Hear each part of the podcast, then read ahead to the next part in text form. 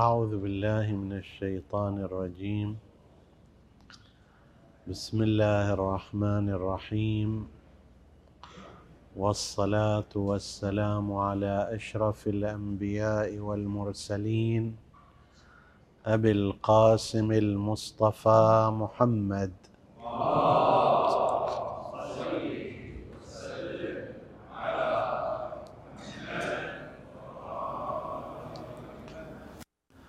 وعلى أهل بيته الطيبين الطاهرين المؤمنين المكرمين.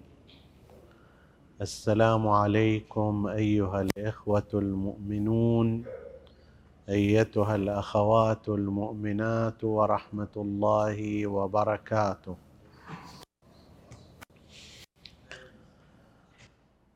في نهايات وصية الإمام موسى بن جعفر الكاظم عليه السلام لهشام بن الحكم جاء في هذه الفقرة يا هشام اعرف العقل وجنده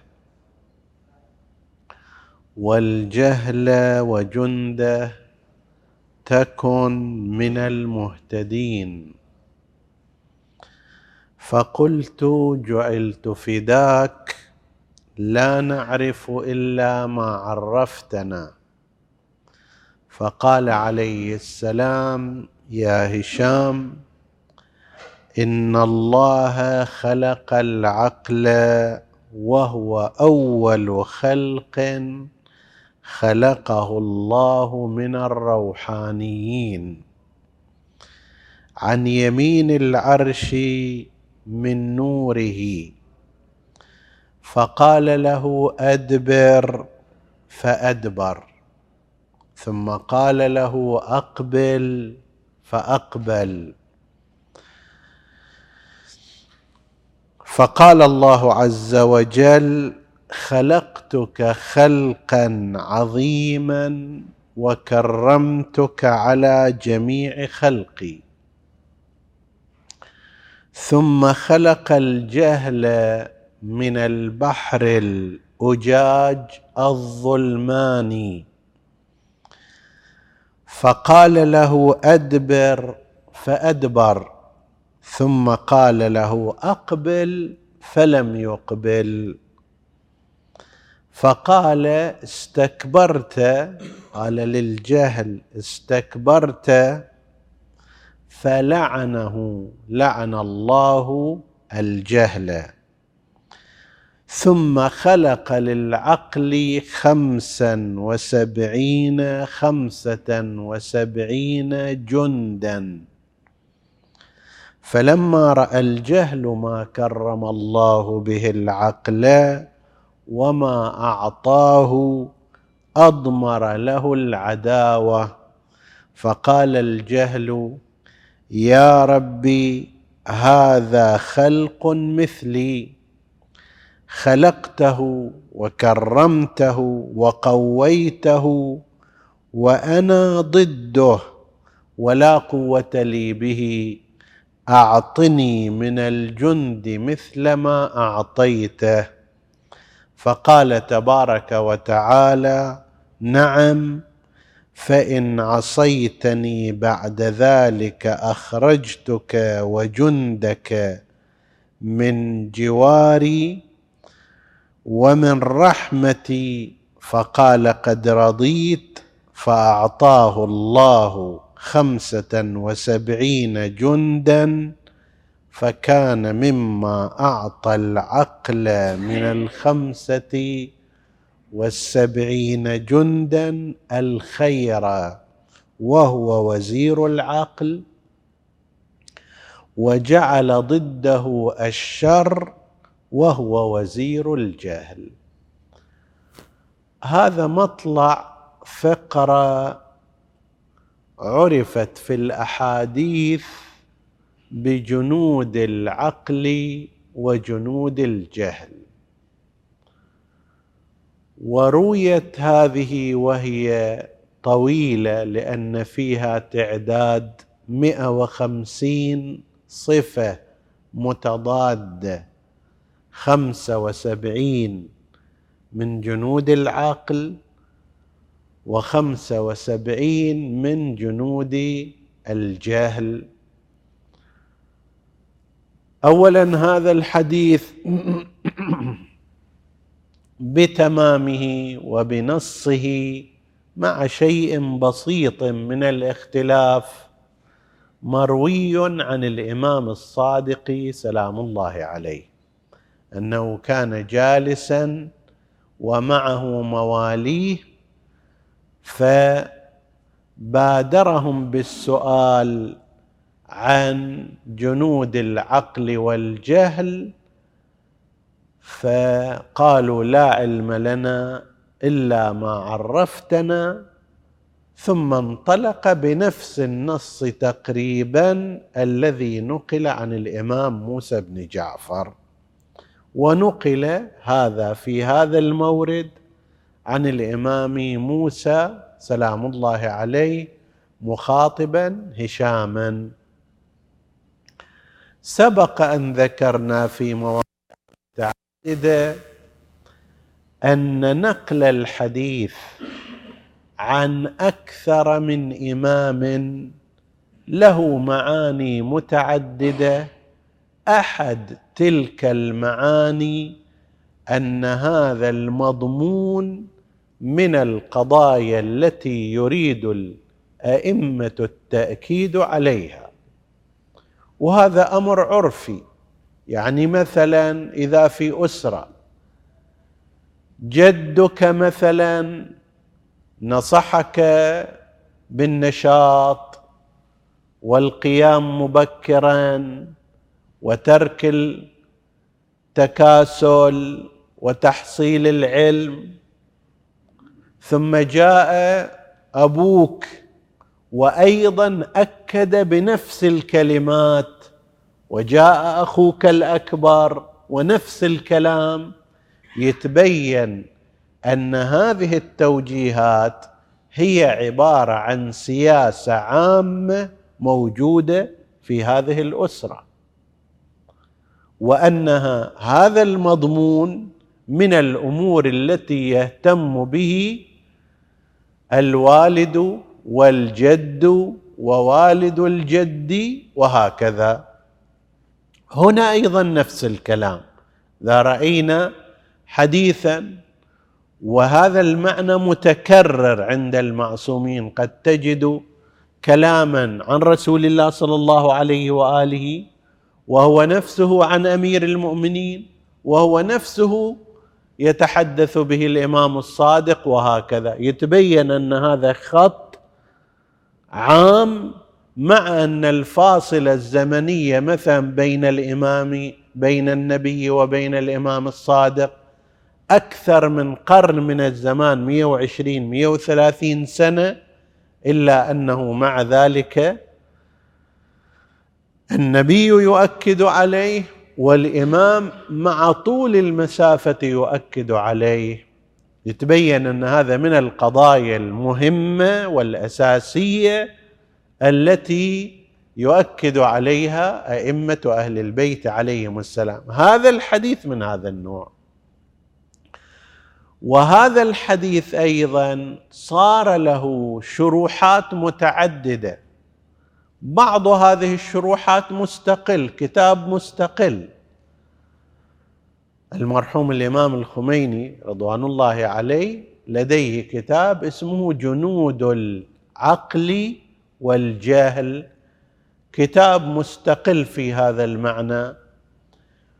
كل من شرح وصية الإمام الكاظم عليه السلام لهشام بن الحكم شرح في أثنائها هذا المضمون وهذا المعنى وهم كثيرون جدا ما بين شرح مختصر شرح الكلمات وما بين شرح موسع في هذا أخلاقي روحي غير ذلك. فمن المهم للإنسان المؤمن أن يلتفت إليه لا سيما وأن بإمكانه أن يقارن في نفسه أي الأمور موجودة أكثر. أنا وأنت نريد أن نعرف هل نحن على صراط سوي أو لا. تجيب قدامك قائمة. الآن هذا موجود في المقاييس في العلامات القياسية. يقول لك هاي السيارة مثلا على سبيل المثال مصرفها أقل تخلي علامة صح. الوصول إلى سرعة كذا خلال هالقد ثانية تخلي علامة صح. كل شيء فيها مثلا أوتوماتيك تخلي علامة صح وهكذا حتى تستوفي أغلب المواصفات القياسية أو لا قد تكون في الطرف الآخر لا كله سلبي سلبي سلبي. هنا أيضا نفس الشيء خمسة وسبعون صفة بإمكان الإنسان أن يضعها أمامه ويشوف نسبتها أيضا عنده. ورد مثلا أن من جنود العقل الخير. هل أنا عندي خير للناس؟ أو ذاك البعيد عندي شر. هل عندي خير لكل الناس أو لبعض الناس؟ هل نسبة الخير في حياتي غالبة أو نسبة الشر والعياذ بالله غالبة؟ التأد وارد أنها من جندي العقل. تأد يعني شيء من الاتزان. معالجة الأمور بهدوء بروية عدم اتخاذ ردود الفعل السريعة على الأمور. قال لي كلمة جارحة بسرعة أنا أرد عليه رد فوري. حرمني من شيء بسرعة أتخذ موقف أو لا. أنا إنسان عندي تأودة عندي تريث عندي تفكير. أتأنى ليش صار هذا الأمر؟ قد يكون سوء فهم في البين. ثم لنفترض أنه هالشكل قد يكون في ظرف غير مناسب. زوجتي أختي امرأة تمر بظرف الدورة الشهرية وكثيرا ما يحصل هذا وهذا ما لا يلتفت إليه أغلب الرجال. المرأة مع إقبال الدورة الشهرية. قبل نزول الدورة الشهرية تتخربط كلها. أعصابها هرموناتها نفسيتها بدنها عضلاتها إلى غير ذلك. طيب؟ فإذا نزلت بعدها نفس الكلام هذا الكلام واحد تورطنا إن ما نزلت كذلك إن نزلت كذلك. لا أكو هناك حاله هالشكل تتصور نفسك لو أن يدك أصبحت مجروحة وتنزف على مدى ثلاثة أيام مو ستة وسبعة لا ثلاثة أيام. على مدى يوم واحد من الصباح إلى المساء أخلاقك تنأفس تتأذى تتضايق. طيب هذه زوجتك وأختك وربما أمك وامرأة أخرى من أقاربك تتعامل معها هذه تتعرض إلى هالشكل شيء؟ تنزف مدة أحيانا خمسة أيام أحيانا سبعة أحيانا تسعة. طيب حالة نزيف تغير في الهرمونات أذى عضلي أذى بدني. عبر عنه القرآن الكريم يسألونك عن المحيض قل هو شنو؟ أذى. أذى بمقاييس القرآن الكريم. طيب زين. خلى تريث. ليش قالت هالكلام؟ ليش تصرفت هالتصرف؟ لماذا فعلت هذا الفعل؟ طيب قد تكون في مثل هذه الظروف. أنا بسرعة أرد عليها بسرعة أتخذ موقف غير ذلك لا هدي فقسم من الناس عندهم تأد تريث توازن تعقل هدوء تحليل للمسألة وقسم لا عنده عجلة عنده مبادرة سبتني أسبها. رفعت إيدها أنا أوصل إيدي. طيب. فخل أشوف أنا هاي جنود العقل وهذا أمر تربوي مهم. الإنسان يقدر يعرف نفسه في أي موقع من المواقع وبأي درجة من الدرجات. من خمسة وسبعين من جنود العقل اللي الله أعطاني إياها وزودني بها. كم عندي من هؤلاء الجنود؟ وفي المقابل ذاك الطرف طرف الجهل وجنوده وجنوده الخمسة والسبعين. عندي أنا ما أقابله به. لا واحد عنده عشرة جنود في مقابل سبعين جندي. أكيد ينهزم. فأنا خل أزيد جنود العقل وأنقص قدر الإمكان جنود الجهل والمعركة في داخل نفسي مو بعيدة.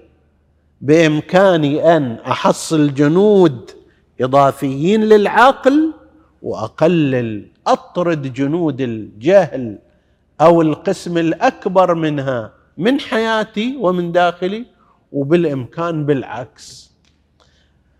فالإمام عليه السلام يجي يضع برنامج لنا مناسب جدا لو استطعنا الاستفادة منه. قال يا هشام اعرف العقل وجنده. أول شيء واحد يعرف وين هذول الجنود؟ لو أن انسانا عنده أرصدة ما يدري عنها هل يقدر يستفيد منها؟ ما يدري. وقسم من الناس يخلون فلوسهم في بعض البنوك بعدين ينسوا كم وين؟ زين.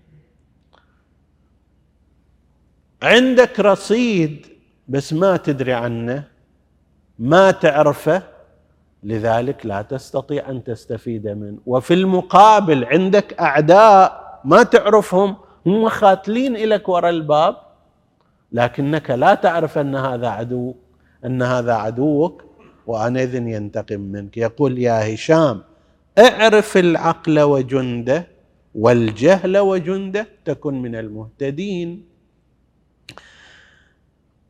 أحيانا يصير إذا ما عرف أن هذا من جنود الجهل الغضب مثلا قد يتصور الإنسان أن الغضب من جنوده التي هي له بينما هو عليه.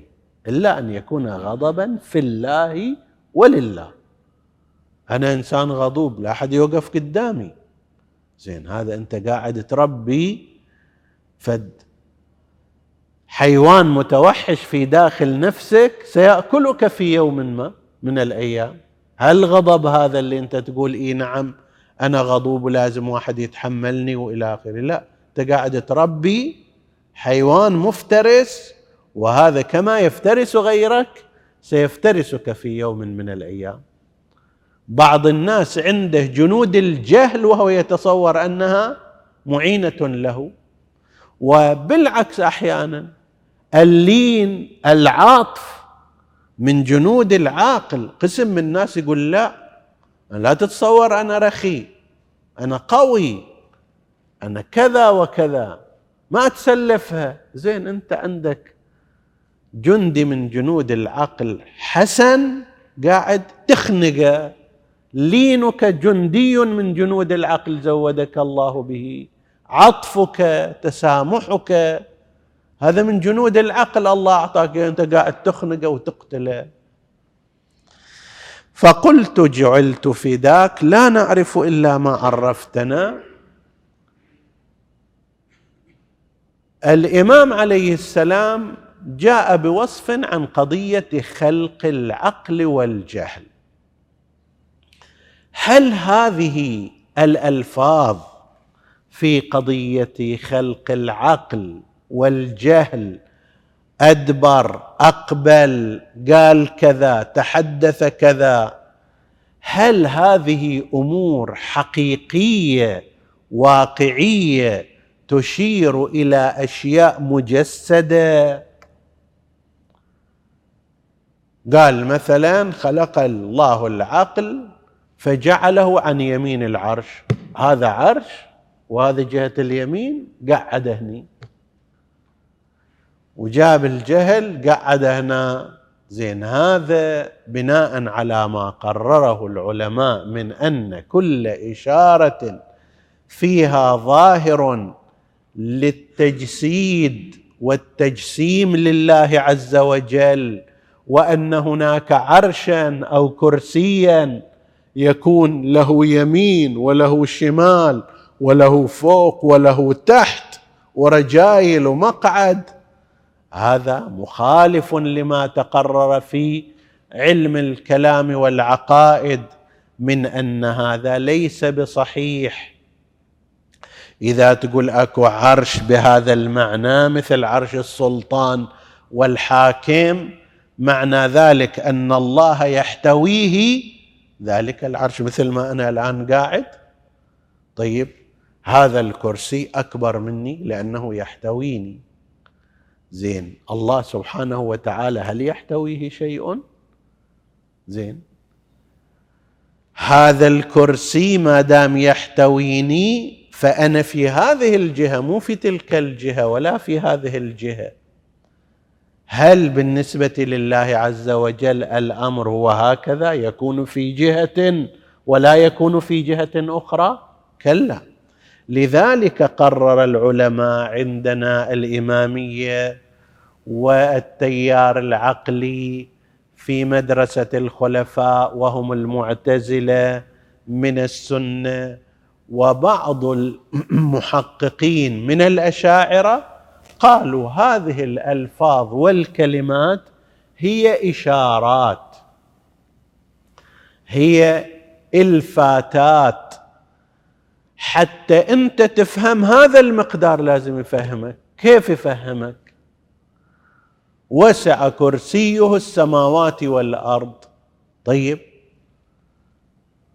الرحمن على العرش استوى. كيف يفهمك المعنى الذي يراد تفهيمه؟ أنت مقاييسك محدودة أنت لغتك قاصرة.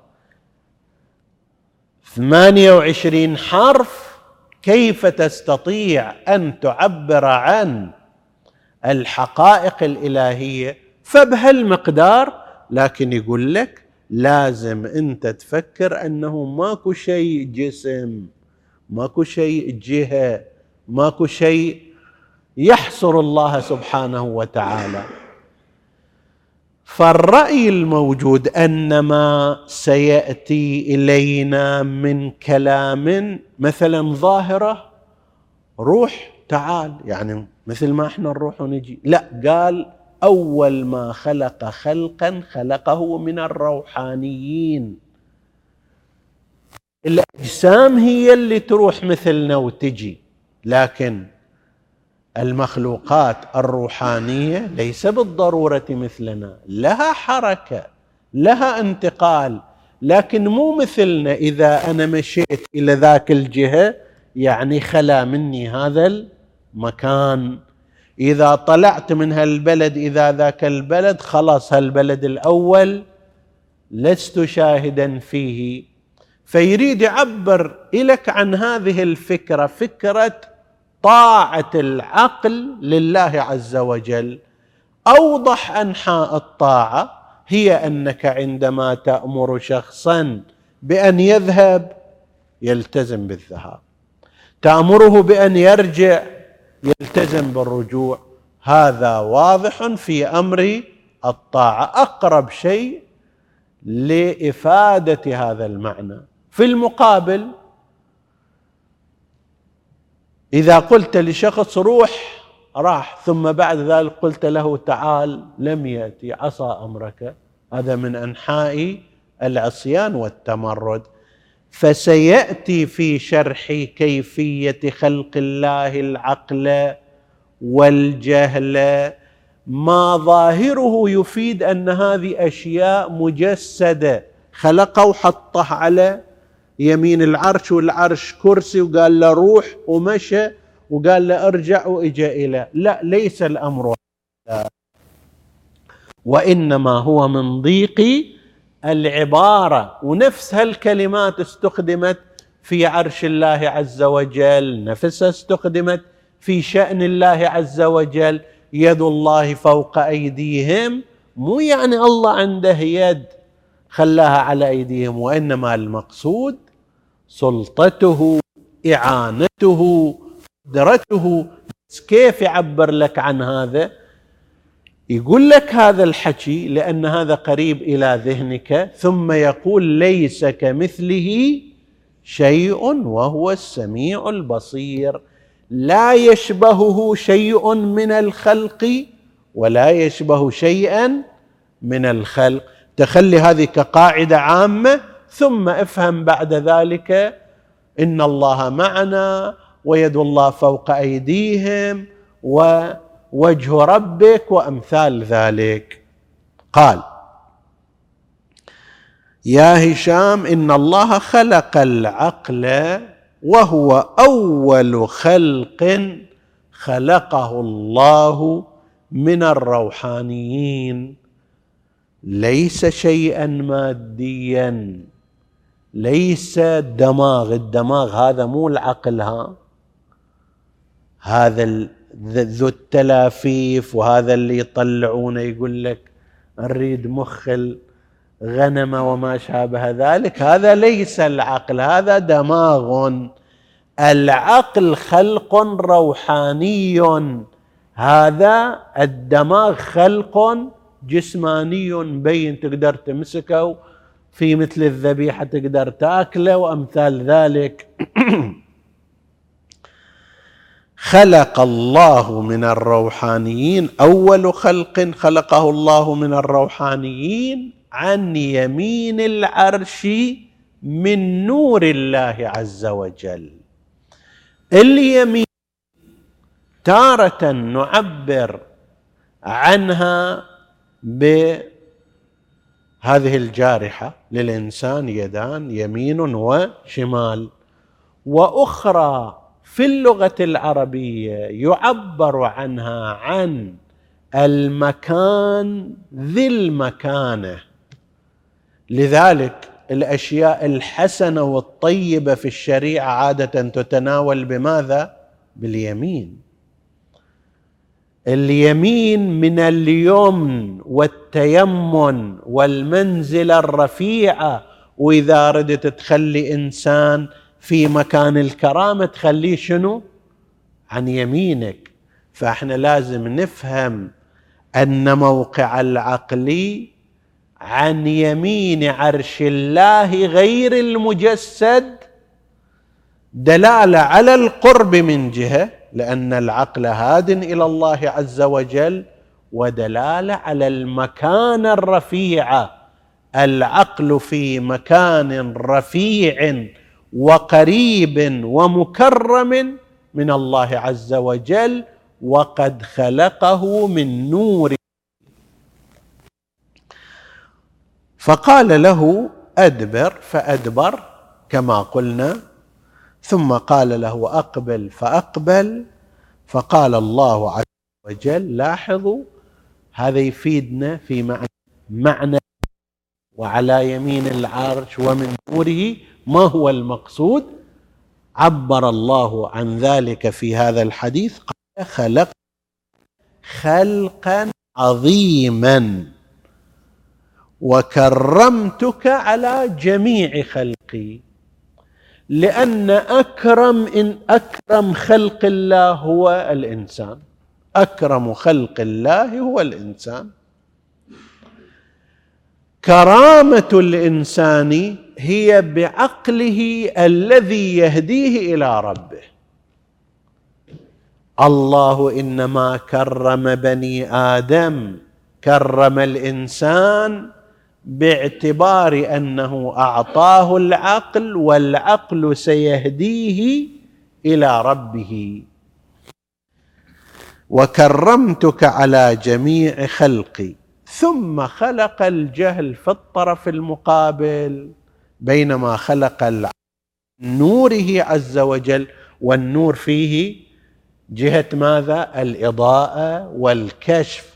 أنت في ظلمات تحتاج إلى ماذا؟ ظلمات الجهل ظلمات الشك ظلمات الكفر. تحتاج إلى نور العقل الذي خلقه الله من نوره. في المقابل الجهل خلق من بحر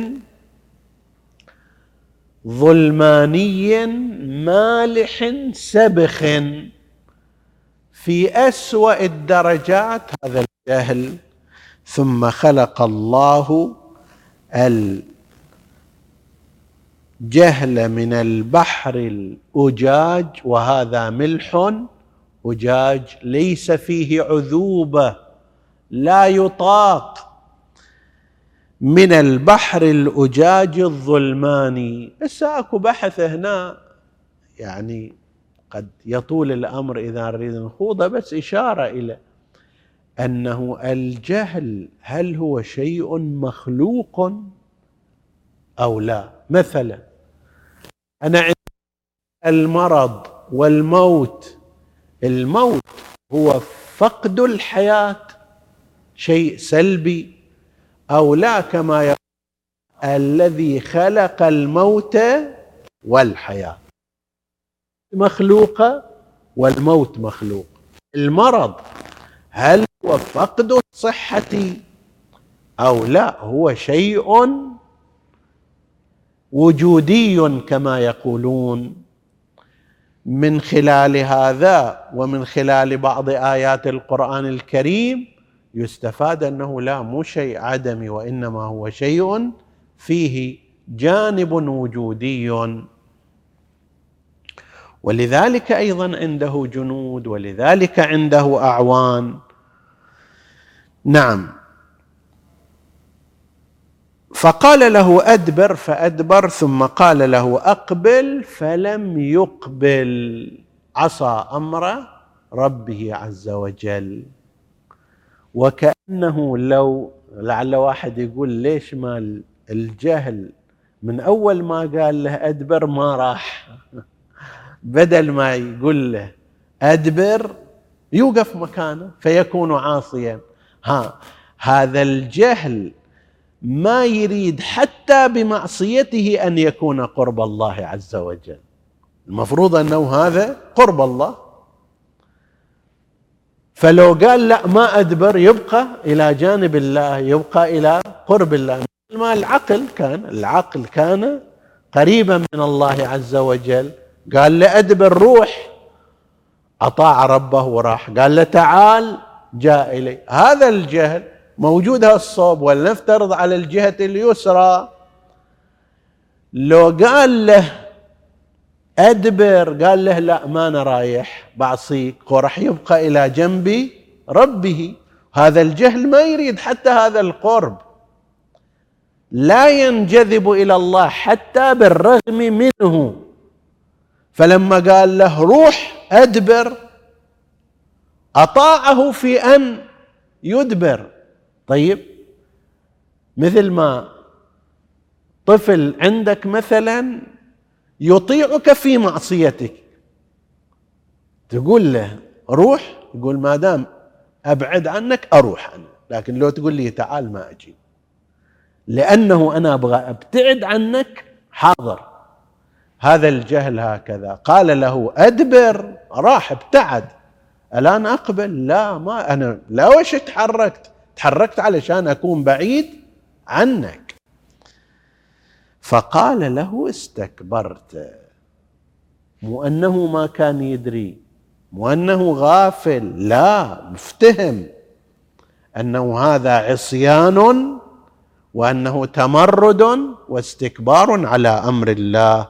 فلعنه لعن الله الجهل ثم جعل للعقل خمسة وسبعين جنديا. الله سبحانه وتعالى عادل. حتى في هذا. الجهل قال له شلونها؟ هذا أنت خلقته وهذا أنا خلقتني. كيف ذاك تعطيه جنود؟ وأنا تخليني بدون جنود. كلا نمد هؤلاء وهؤلاء من عطاء ربك. وما كان عطاء ربك محظورا. المؤمن الله يزوده بقوة والكافر أيضا شنو يزوده؟ بقوة. العقل يزوده بقوة والجهل هم يزوده بقوة وهنا تصير المعركة متكافئة. هنا يتحقق الابتلاء. أما إذا فرضنا الله أعطى العقل 75 جندي والجهل ما أعطى ولا واحد بلكمة واحدة يصرع الجسم ما صار عجل ابتلاء ما صار امتحان. عدالة الله وحكمة الحياة في أن يكون هناك ابتلاء وامتحان وصراع بين قوى الشر وقوى الخير. بين الحق والباطل بين العقل والجهل هو هذا. على الإنسان أن يختار جنود العقل وأن يستعين بها وهو منصور على جنود الجهل. نسأل الله سبحانه وتعالى أن يكرمنا بما أعطانا من العقل وأن يعيننا على ردع الجهل. إنه على كل شيء قدير. وصلى الله على محمد وآله الطاهرين.